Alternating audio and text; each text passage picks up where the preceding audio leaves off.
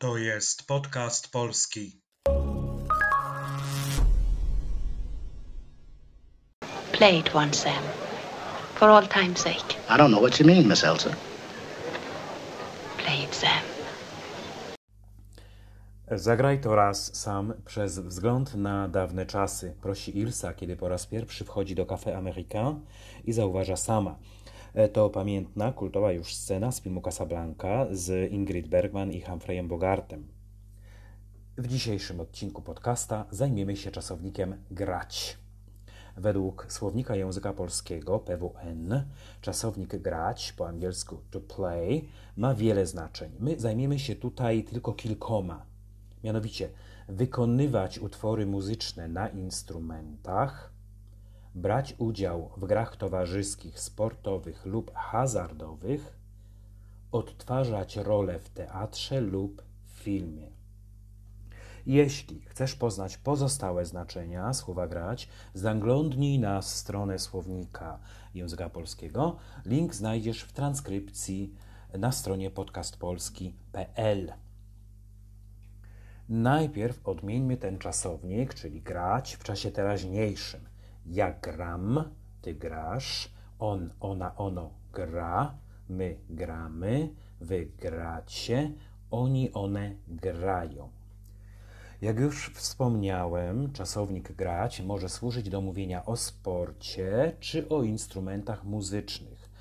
Żeby to wyrazić, potrzebujemy odpowiedniego przyimka. W każdym z tych przypadków innego.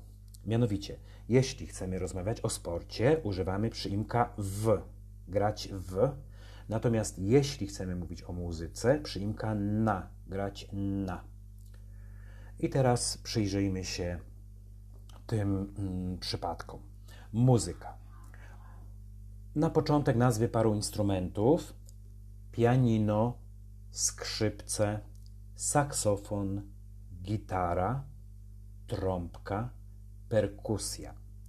Przyimek na wymaga tutaj użycia narzędnika, czyli instrumental, a zatem grać na pianinie, grać na skrzypcach, grać na saksofonie, grać na gitarze, grać na trąbce, grać na perkusji.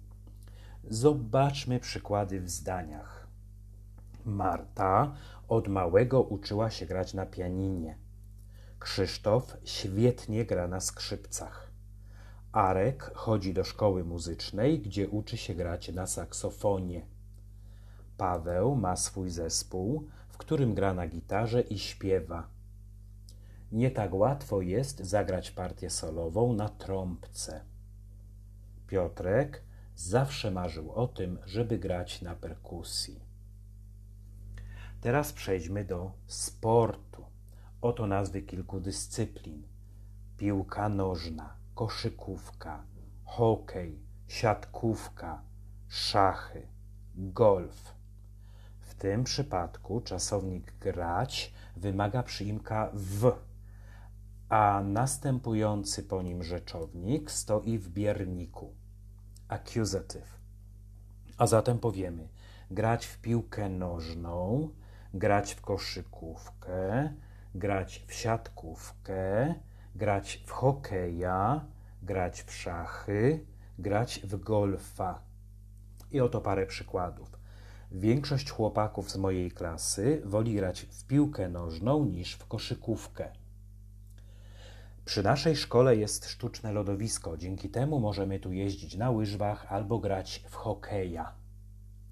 Dzisiaj na zajęciach wychowania fizycznego graliśmy w siatkówkę. Damian bardzo dobrze gra w szachy. Mój szef co sobotę gra w golfa. Tyle o sporcie. Przejdźmy do filmu i teatru. Jeśli rozmawiamy o filmie bądź teatrze, mamy do czynienia z dwiema głównymi sytuacjami. Po pierwsze, można grać w filmie, w teatrze.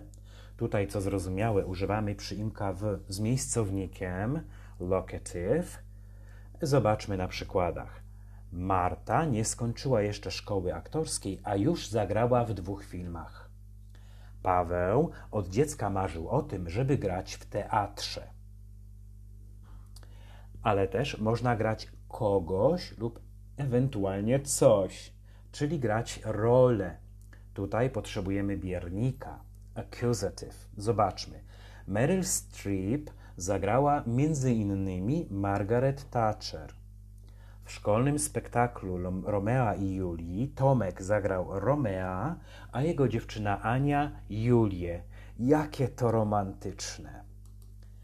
Antek nie miał dużej roli w tym przedstawieniu, zagrał drzewo.